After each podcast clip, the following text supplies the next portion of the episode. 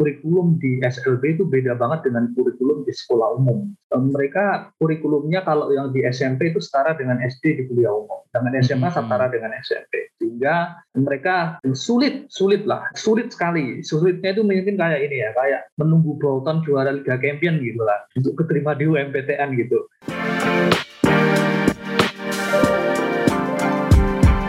Hai sahabat TCID, kalian sedang mendengarkan podcast Suara Akademia, ngobrol seru isu terkini bareng akademisi.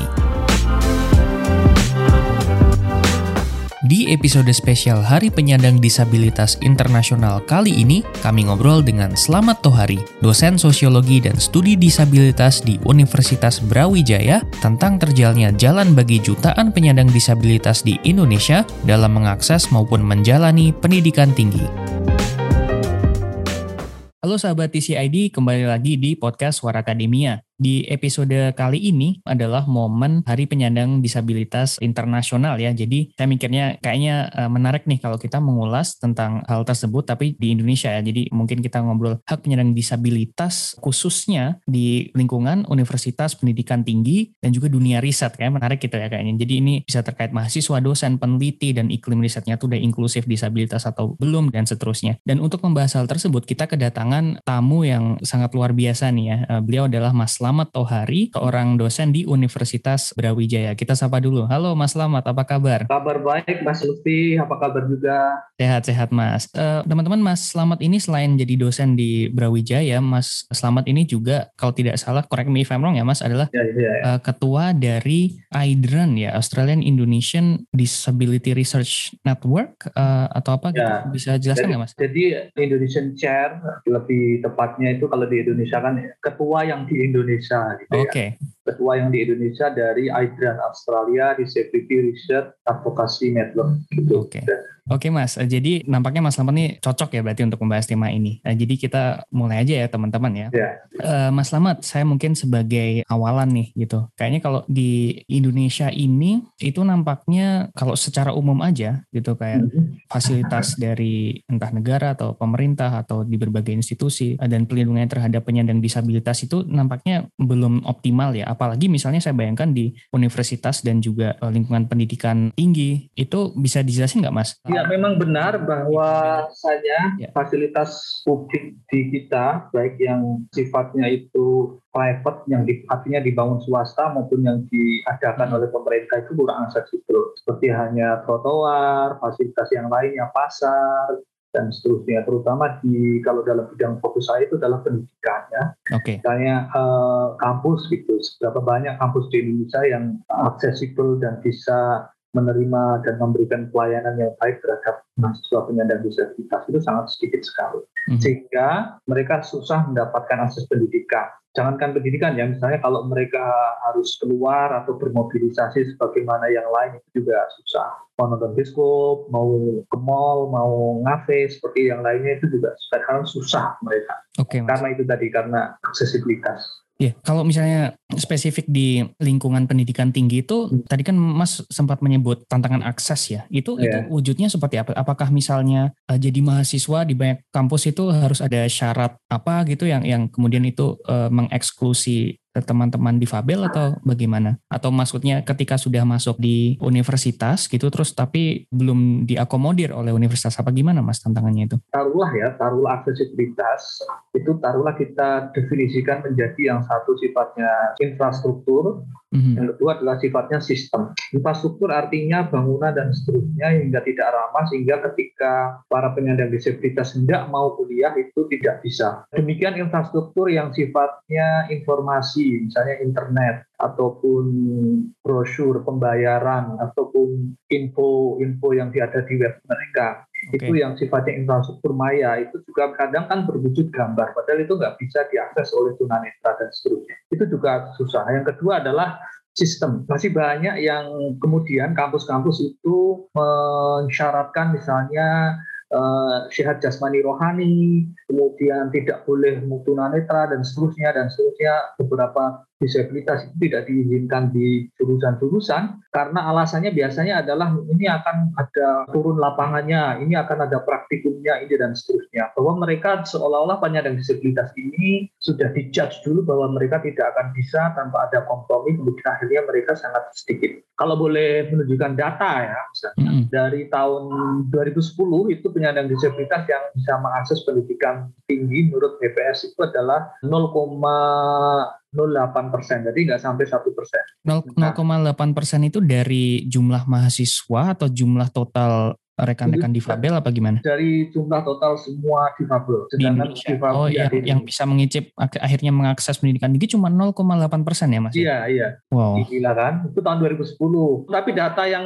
tahun 2019 naik akhirnya menjadi 2,8 persen. Iya, tetap masih banyak yang perlu diperbaiki ya, ya mas berarti iya, ya. Iya. Jadi kayak jangankan uh, sudah melalui proses kuliahnya, bahkan lebih mundur dari yeah. itu ya, bukan hanya di proses pendaftarannya yeah. juga, bahkan sebelum itu kayak mau daftar aja gitu, sebelum daftar itu mereka juga mungkin kesulitan untuk mengakses kesulitan, informasi ya. atau apa yeah, pendaftarannya yeah. seperti apa, karena misalnya teman-teman ya. yang tunanetra mungkin iya. nggak yeah. bisa mengaksesnya dan seterusnya yeah. kayak gitu. Ya. Belum lagi harus ini dikompetisikan gitu, kompetisi ibarat yeah. mereka itu misalnya liga primer gitu mereka itu tim ecek-ecek lah yang nggak mungkin saingan sama Liverpool gitu ibaratnya jadi mereka ini karena mayoritas itu kan dari pendidikan dasarnya itu SLB dan seterusnya yang hmm. sekolah inklusif kan baru-baru aja yeah, yeah. ya kemudian akhirnya sekolah kalau anda bisa shock itu bahwa kurikulum di SLB itu beda banget dengan kurikulum di sekolah umum. Sehingga mereka sulit sulit lah itu sulit sekali. Sulitnya itu mungkin kayak ini ya kayak menunggu Bolton juara Liga Champion gitu lah untuk keterima di UMPTN gitu. Sehingga Jadi tadi ya ada, analoginya sepak bola terus mas. Ya yeah, ini lagi rame nih kan. Atau menunggu apa? Menunggu Arab Saudi salju lah kira-kira gitu. Mungkin mungkin sih tetapi susah karena apa ya? Karena itu tadi karena mereka kurikulumnya kalau yang di SMP itu setara dengan SD di kuliah umum, dengan SMA hmm. setara dengan SMP, sehingga banyak. Tapi meskipun demikian ada beberapa tapi dikit saja sih yang bisa tembus. Oke, okay. proses diskriminasinya tuh berarti udah dari lama ya, bahkan sejak dari lama. SD gitu. Nah, itu kan mahasiswa. Kalau dosen itu juga belum banyak juga ya yang uh, mengakomodir. Belum, belum. Dosen belum banyak.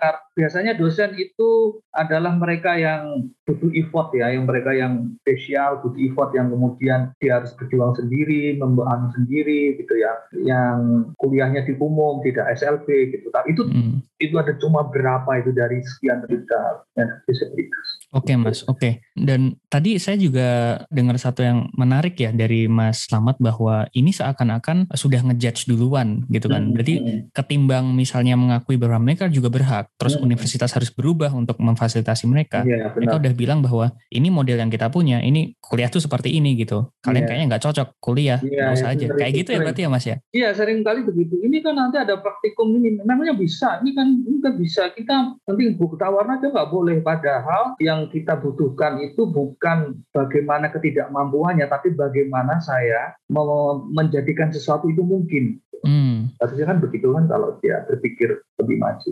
Oke, itu itu uh, dulu zaman-zaman saya masih belajar itu uh, zaman-zaman kuliah itu juga ada konsep kalau nggak salah namanya model sosial ya Mas ya. Mungkin Mas ya. Slamet bisa komentar lebih tentang ini. Tapi yang dulu saya baca itu mungkin kayak kalau zaman dulu, zaman zaman medieval gitu, zaman abad pertengahan tuh kayak uh, penyandang disabilitas tuh dianggap sebagai kayak titisan iblis yeah. gitu. Jadi kayak orang-orang yang terbang gitu. Terus yeah, yeah. di di tahap keduanya gitu, uh, itu mulai dianggap kayak ya oke okay, mereka bukan orang yang yang perlu dijauhi tapi tetap aja belum banyak diakomodir kayak mereka dianggap tetap kayak kayak yang dieksklusifkan gitu. Yeah. Nah, yang baik itu harusnya adalah model sosial ya Mas. Mungkin yeah, Mas yeah. Selamat bisa jelasin. Jadi model sosial itu seperti halnya dikatakan oleh Mas Lutfi tadi sangat bagus sekali ya bahwasanya disabilitas itu sebenarnya tidak ada tanda petik cacat itu tidak ada. Kalau saya ini kan penyandang cocok, dosen kan ngomong. Banyak mas kalau penyandang itu. Iya gitu kan. Jadi sebenarnya cacat itu nggak ada. Seseorang menjadi tanda petik cacat itu adalah proses struktural yaitu tercacatkan. Seseorang hmm. itu menjadi tidak mampu itu karena faktor lingkungan, baik infrastruktur maupun sistem sosial yang menjadikan dia begitu. Karena dia dieksklusikan, bahkan sistem itu dibangun seolah-olah ini seperti ini, jadi kamu nggak mungkin bisa dan tidak membuka kemungkinan-kemungkinan yang lain, maka akhirnya dia tersisi sehingga ketika seseorang pakai kursi roda karena angkotnya seperti itu karena bangunannya tinggi akhirnya dia tidak bisa ke mana-mana. Nah itulah dia menjadi tercacatkan secara sistem. Sehingga sebenarnya seseorang menjadi difabel atau menjadi penyandang disabilitas itu adalah karena lingkungan, karena sistem masyarakat, karena stigma, karena judge, karena macam-macam itu, yang bukan karena dirinya. Nah, dirinya itu adalah bagian sebenarnya perbedaan-perbedaan yang ada pada diri setiap manusia. Maka itulah dikatakan difabel atau differently able people, orang yang dengan kemampuan berbeda-beda. Dan setiap orang pada prinsipnya memang difabel karena setiap orang mempunyai perbedaan-perbedaan kemampuan. Mas Lutfi mungkin pakai kacamata, saya tidak. Saya pakai kursi roda, Mas Lutfi tidak. Dan hmm. hanya seperti itu, hanya bedanya hanya seperti itu. Hanya variasi dan warna dalam ya, gitu ya Mas ya. Just different way of how to move, how to walk, how to ya, how to learn lah kira-kira gitu. Oke Mas, tadi kan Mas uh, Selamat juga bilang bahwa upaya dari kampus ini banyak yang belum cukup ya, belum optimal gitu. Yeah. Emang sejauh ini tuh istilahnya apa ya, yang paling pol dari kampus itu kayak gimana sih kayak yang sejauh ini yang yang yang paling oke okay rata-ratanya itu seperti apa yang udah diupayakan kampus? Adakah kampus yang udah bagus banget di Indonesia yang melayani itu gitu? Contoh-contohnya seperti yeah, apa? Sebenarnya pemerintah melakukan sesuatu ya, melakukan hmm. sesuatu. Tetapi tentu saja pemerintah tanda petik melakukan sesuatu itu juga dorongan dari usaha teman-teman penyandang disabilitas sendiri yang menggaungkan dan melakukan advokasi yang panjang dari okay. tahun 2011 hingga sekarang misalnya. Mulai di saat itulah pelan-pelan dan perjuangan di level akademik di perguruan tinggi juga mulai. Misalnya kemudian tahun 2017 turunan dari Undang-Undang 2016 itu ada Permendikbud yang nomor 46 tahun 2017 yang di situ jelas mensyaratkan bahwa setiap universitas wajib membangun lingkungan yang inklusif dan membuat unit layanan disabilitas. Karena amanat Undang-Undang nomor 8 tahun 2016 itu menyatakan bahwa unit layanan disabilitas atau ULD itu wajib bagi setiap universitas atau pendidikan tinggi. Nah, itu. Kemudian adalah sekarang ada PP nomor 13 tahun 2020 turunan dari undang-undang itu juga yang di mana praktik-praktik diskriminasi nggak boleh ada kemudian setiap universitas wajib memberikan rationable accommodation. Rationable accommodation adalah bahwa setiap individu itu mempunyai keunikan masing-masing sehingga perlu untuk di assessment dan dipenuhi kebutuhan sesuai dengan kebutuhannya setiap individu. Mm-hmm. Misalnya yang setiap individu itu butuh soft file karena tunanetra, itu CBI dan itu sebenarnya. Karena pada prinsipnya tidak ada kebutuhan yang sifatnya universal. Setiap individu okay. pasti beda-beda cara belajarnya. Dan begitu pula dengan difabel dan seterusnya. Itu sejauh ini yang diberikan pemerintah sih. Tapi memang sejauh ini baru mungkin 10 atau tidak kurang dari 10 ya yang membuka unit layanan disabilitas. Tetapi hmm. yang paling sistematis itu tahu saya hanya ada dua, yaitu pertama adalah unit layanan disabilitas di Universitas Islam Sunan Kalijaga Yogyakarta dan Universitas oh, Brawijaya iya. atau UB. UB itu kepanjangan dari Uberikan Cintaku Padanya. bukan, bukan. UB Universitas Brawijaya. Nah itu itu ya. Mas kalau tadi kan nyebut salah satu hallmark dari kampus yang baik melayani teman-teman difabel kan adanya itu ya apa unit layanan tadi ya. Itu unit layanan itu kerjaannya atau fungsinya seperti apa Mas di kampus yang pelayanannya hmm. terhadap teman-teman difabel seperti apa? Setiap universitas universitas punya sistem masing-masing yang saya tahu di setiap kampus yang membuka unit layanan itu. Tapi kalau di kami adalah misalnya dia memberikan satu jelas advokasi bahwa agar praktik dan juga kampus itu lebih lama kepada penyandang disabilitas. Yang kedua adalah kebutuhan dari penyandang disabilitas itu apa saja. Itu misalnya kebutuhan CBI atau juru bahasa isyarat, kebutuhan soft file, tunanetra ini kan sekarang udah nggak pakai braille lagi kan, dia lebih pakai soft file. Nah, bagaimana dengan buku-buku jadul misalnya buku-buku Gabon atau Canon yang ada. Nah, itu nanti tugas PSLD untuk melakukan digitalisasi. Tapi tentu saja tidak semua, hmm. chapter berapa sampai siapa yang diminta dosennya. Jika okay. adalah mendampingi misalnya note taker saat di kelas dan seterusnya dan seterusnya dan seterusnya itu banyak sekali tugasnya BSLD termasuk memberikan sosialisasi perihal disability awareness dan menerapkan apa yang disebut dengan mensosialisasikan apa prinsip universal design learning kepada tiap akademia yang ada di kampus itu. Oke mas, jadi pendekatannya itu berarti custom gitu ya, maksudnya ya, uh, ad hoc ya, on a case by case basis gitu ya? Ya, nggak bisa kemudian. Ketika dosennya meminta atau disesuaikan dengan masing-masing kebutuhan unik uh, setiap ya. mahasiswanya, kemudian unit lainannya membantu adjust proses. Iya, membantu adjust. Misalnya, misalnya gini, ada disleksia. Disleksia okay. itu kan dia membaca susah ya. Mm -hmm. Dan satu lagi ada tuli dan seterusnya. Disleksia misalnya kalau saya ngajar because you have disability, you know. yang lainnya misalnya saya suruh ngumpulin seminggu hari Jumat misalnya, karena dia disleksia, kemudian saya akan tambah menjadi Senin itu karena kamu itu adalah salah satu bentuk akomodasi. Akomodasi kan tidak harus material tapi juga bisa waktu.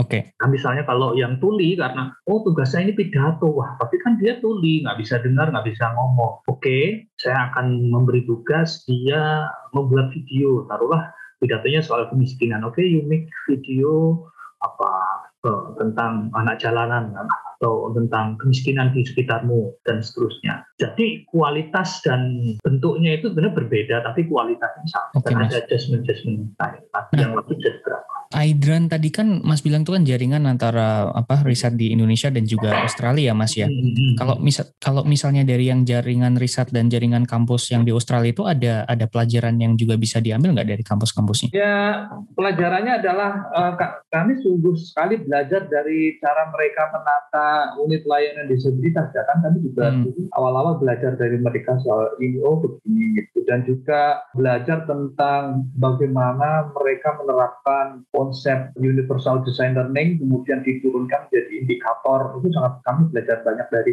saya ya saya dan kemudian itu bersama. Universal design learning itu apa mas? Uh, gini uh, pada prinsipnya setiap pengajaran itu harus melihat semua orang itu dengan perbedaan-perbedaannya dan sistem pengajarannya itu harus universal. Universal artinya bisa dinikmati oleh semua orang. Jadi hmm. ketika saya mengajar, ada tuna, ada tuli, ada disleksia, macam-macam, saya akan mendesain agar semua orang itu nyaman di situ. Maka dengan begitu tugasnya itu pun berbeda-beda. Kadang kan kita cedosan, oke okay, paper 10 halaman, hmm, besok minggu depan lah. Ada yang susah loh tulis paper, ada yang susah loh nggak bisa ini dan seterusnya. Nah, itu aku harus adjust satu-satu, terutama yang memiliki kebutuhan khusus. Entah itu waktu, entah itu ujiannya berbeda, entah itu dia ditambahi apa, entah itu dia mau saya alihkan. Misalnya, misalnya tuli, dia harus listening ataupun harus speaking. Itu kan nggak, nggak harus dipaksa kan nggak bisa. Maka saya harus menerapkan apa yang disebut dengan omitting atau membuang itu penggantinya dengan yang lain. Oke, oke, oke, Mas. Uh, jadi bahkan dalam proses perancangan ya sebelum dimulai hmm. kuliahnya atau apa hmm. itu sudah ditanya, ada kan difabel gitu. Hmm. Terus kemudian di RPS-nya kalau difabel hubungi ini, ini, ini.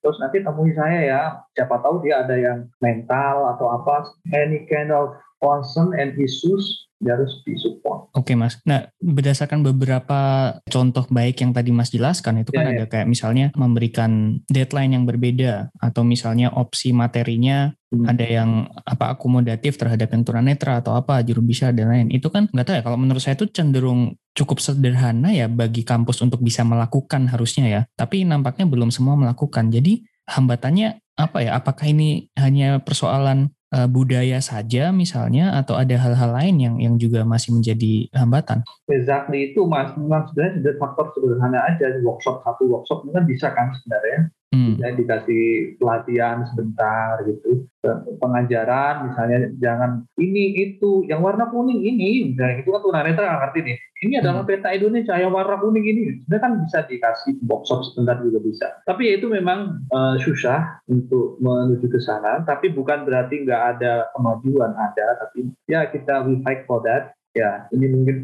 podcast ini bagian dari salah satu sosialisasi itu. Semoga ya Mas, ini iya, ya. kayaknya semoga juga didengar sama komunitas uh, dosen iya, dan riset juga ya, semoga terdengar iya. ya. Dan, dan tadi uh, juga salah satu yang mem bisa memicu uh, momentum itu di kampus, momentum perubahan itu di kampus adalah unit layanan ya, tapi kan hmm. belum ada di, kalau tadi saya nggak salah dengar ada hanya ada 10 ya di. Uh, ya kurang lebih. Kurang lebih 10 ya. ya. Nah, apa sih yang yang diperlukan untuk setiap kampus bisa melakukan itu? Apakah ini karena mereka kampus-kampus yang ada unit layanannya itu ada dosen yang difabel misalnya makanya didirikan itu atau seperti harusnya ada aturan yang mewajibkan ada unit layanan atau bagaimana?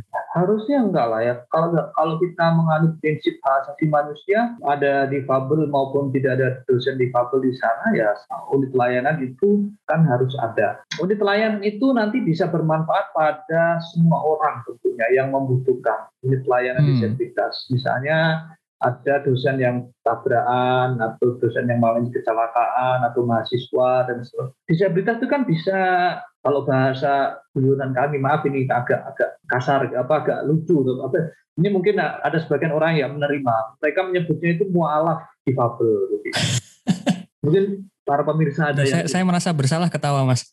Enggak enggak. Tapi ada yang tapi bagi saya sih enggak masalah. Jadi misalnya dia tadinya enggak difabel gitu terus tiba-tiba kecelakaan dia di difabel kan dia mualaf tuh. Nah setiap orang kan punya potensi menjadi betul, betul. ya terus itu sangat bermanfaat nah eh, yang perlu disiapkan tadi sebenarnya adalah will, will bagi pimpinan. Ketika pimpinan sudah ada will, nanti nanti dia kan dia membuat satu perangkat okay. aturan, dana dan seterusnya. Nah, kalau itu sudah ada, udah naik jalan deh. Banyak ya problem itu yang sumbernya adalah political will ya, berarti yeah, Indonesia itu. Oke okay, mas, um, Menarik, menarik. Itu kan mungkin kalau uh, dari segi ini ya di, di lingkungan kampusnya, universitasnya, dan sivitasnya, entah mahasiswa atau uh, dosen gitu. Tapi kalau kita tarik lebih makro lagi, misalnya kayak dalam dunia penelitian, dunia riset itu kan lebih lebar lagi ya jaring hmm. jaringnya itu. Itu apakah sudah inklusif juga, Mas? Misalnya kayak saya bayangkan kalau untuk memajukan agenda hak uh, buat penyandang disabilitas kan juga butuh banyak riset atau apa gitu. Apakah sudah inklusif secara tema yang dilakukan atau penelitinya atau apa gitu mungkin bisa cerita Mas Selamat. Wah ini ini ini pertanyaan ini memang PR PR yang baru saja tadi siang saja membahas ini. Hmm. Jadi memang benar riset inklusif itu penting bahwa setiap riset itu kan semestinya harus membayangkan bahwa apa yang dia objekkan soal riset itu ada audiennya terhadap penyandang disabilitas. Itu pertama perspektif. Maksudnya gimana Mas Sorry? Maksudnya adalah bahwa misalnya saya riset soal tata kota gitu. Oke. Okay. Pernah nggak bahwa tata kota nanti misalnya saya menganggap bahwa oh ya ini buat difabel. Saya saya membuat riset desain mobil. Oh ya nanti difabelnya di mana? Itu kan belum terpikir. Mobil ya mobil okay. atau motor motor aja dan seterusnya misalnya mendesain alat ya alat aja tapi tidak nah itu pertama perspektif. Perspektif itu masih sangat minim ya. Maka itu disebut dengan perspektif GEDSI atau Gender Disability and Social Inclusion itu masih kurang sehingga setiap apa pun ketika kita, kita mau survei mau riset mau apa pertimbangkan bahwa ada penyandang disabilitas di sana yang itu harus dipertimbangkan di dalam item-item pertanyaan, item-item rumusan dan seterusnya. Yang kedua adalah ketika itu menurut kenapa itu sedikit sekali itu karena apa? Karena involvement atau keterlibatan penyandang disabilitas di dalam dunia akademik kurang. Hmm. Yang kedua adalah riset inklusif sendiri itu adalah misalnya bagaimana ketika saya riset yang berhubungan dengan penyandang disabilitas, tentu saja kan rumit. Atau ketika saya penyandang disabilitas yang itu kemudian melakukan riset, nah itu juga akan jadi problem lagi. Misalnya ketika saya riset dengan penyandang disabilitas, nanti misalnya saya harus menghadirkan dia, dia harus pakai juru bahasa isyarat, saya penuhi enggak, kemudian dia harus datang ke taruhlah FGD ke hotel gitu ya. Nah kemudian dia harus datang dengan pendamping, harus pendampingnya harus beli tiket juga dan seterusnya. Nah itu nggak di cover kan sama uh, eh, SPM belum dipikirkan ya. Ya belum dipikirkan kita. Nah begitu pula saat saya saya penelitian itu juga demikian misalnya saya kebutuhannya lebih banyak. Saya harus misalnya travel nah travel itu harus dua.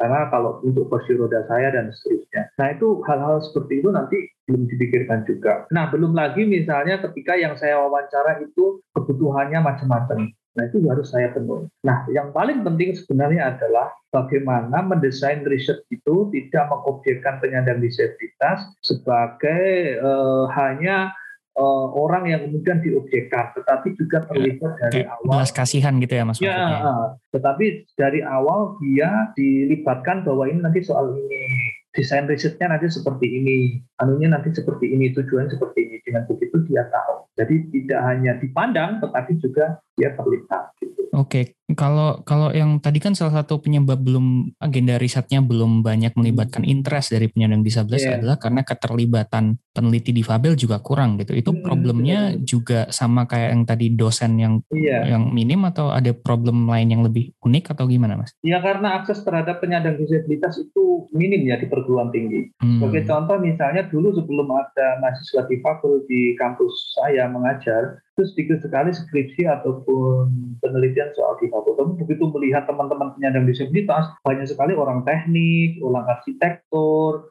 orang tata kota, orang teknik industri, bahkan itu, wah saya membuat ini, membuat kaki yang bisa begini, oh saya membuat topi yang bisa membaca, dibaca, jadi dibaca oleh tuli, sehingga tuli nanti kalau chatting, dia tidak perlu harus pakai handphone dan seterusnya. Jadi sekalipun itu teknik dan ilmu engineering yang lain, bukan hmm. hanya ilmu sosial, itu terinspirasi dengan kehadirannya difabel itu. Jadi kan berarti dengan demikian kehadiran difabel itu menambah ha, apa hasanah keilmuan kan begitu. Ya, betul ya, betul. Gitu dan kehadiran seperti unit layanan tadi juga artinya memberikan awareness ya bahwa iya, ini loh ada problem ini di kampus. Akhirnya oh iya ternyata ada problem ya terus dilebatkan juga dalam iya uh, seperti teman bisa. saya itu pernah contoh ya dia tuh pernah melihat misalnya saya ajak pengabdian membuat apa parut gitu ada ada teman parut apa mas? Parut itu parut kelapa itu loh Oh, Oke. Okay. Itu jadi ada teman yang nggak punya tangan gitu, dia itu mau marut kelapa nggak bisa dan sebagainya karena kecelakaan kan gitu.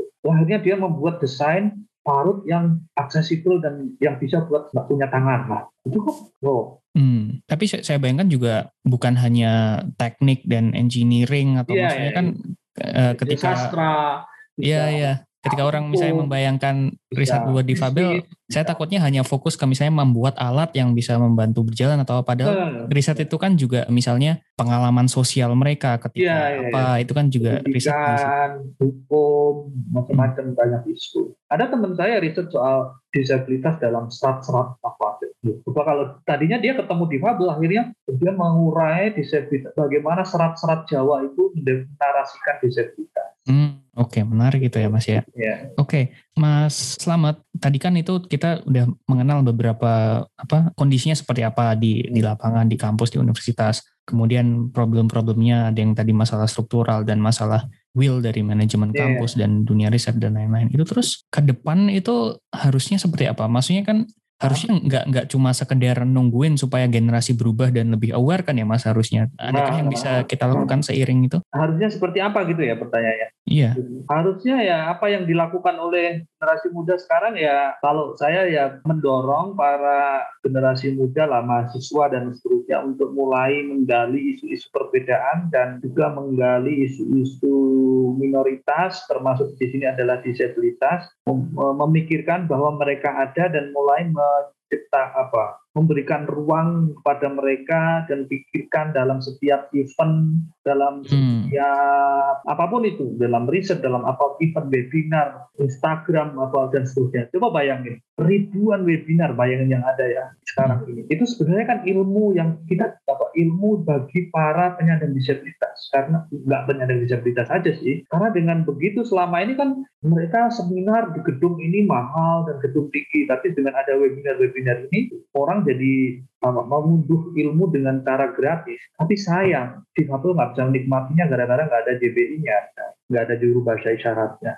Itu kan hal yang perlu dipikirkan misalnya. Atau misalnya dialog di Instagram itu juga nggak ada JBI-nya dan seterusnya.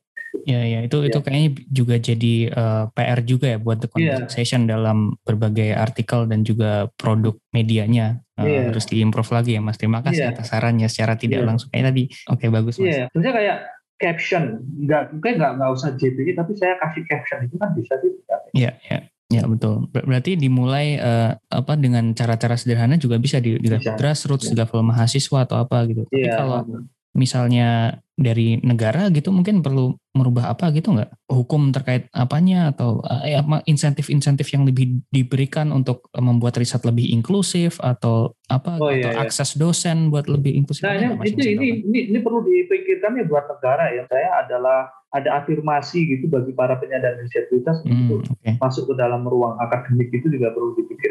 Jadi dosen yang difabel berapa, nah, itu juga bisa salah mungkin bisa jadi salah satu ukuran akreditasi sebuah kampus A B kalau okay. dipakainya apa itu bisa juga sih. Oke, okay. affirmative action ya gitu. Iya, yeah, yeah.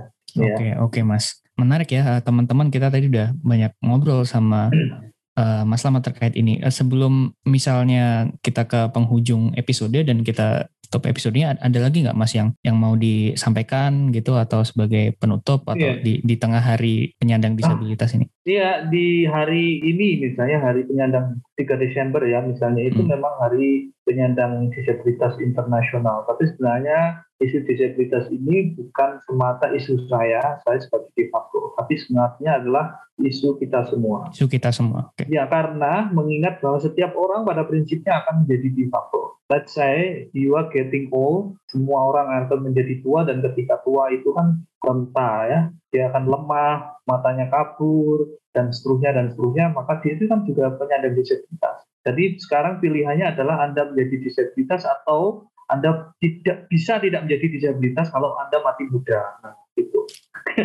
nah, jadi dengan demikian isu disabilitas itu adalah isu kita, jadi bukan isu siapa-siapa. Ini adalah isu kita tentang kita, karena setiap orang punya bakal menjadi penyandang disabilitas. Saya kira itu. Oke, merubah tadi ya merubah mindset bahwa disabilitas itu bukan kayak feature unik orang tertentu tapi hanyalah variasi warna dalam ya, dalam kita gitu. semua. Dan tadi ya. Mas Slamet juga bilang kayak bahwa Mas Slamet mungkin pakai kursi roda tapi saya juga pakai kacamata itu kan juga bisa dianggap differently able juga Iya, gitu seperti itu. Okay. Dan everybody has the different differences gitu kan. Oke, okay. dan ya. ini bisa kita mulai dari sekarang ya. ya. Di, semua orang bisa mulai lebih aware sama ini ya, isu lintas uh, sektoral juga uh, negara, institusi, masyarakat, mahasiswa dan lain-lain. Kalau misalnya kita nggak gini, sama aja kayak nunggu AC Milan menang Liga Champions lagi ya. AC Milan, AC Milan punya potensi lah. Swansea juara Liga Champions, nah itu udah lama banget gitu.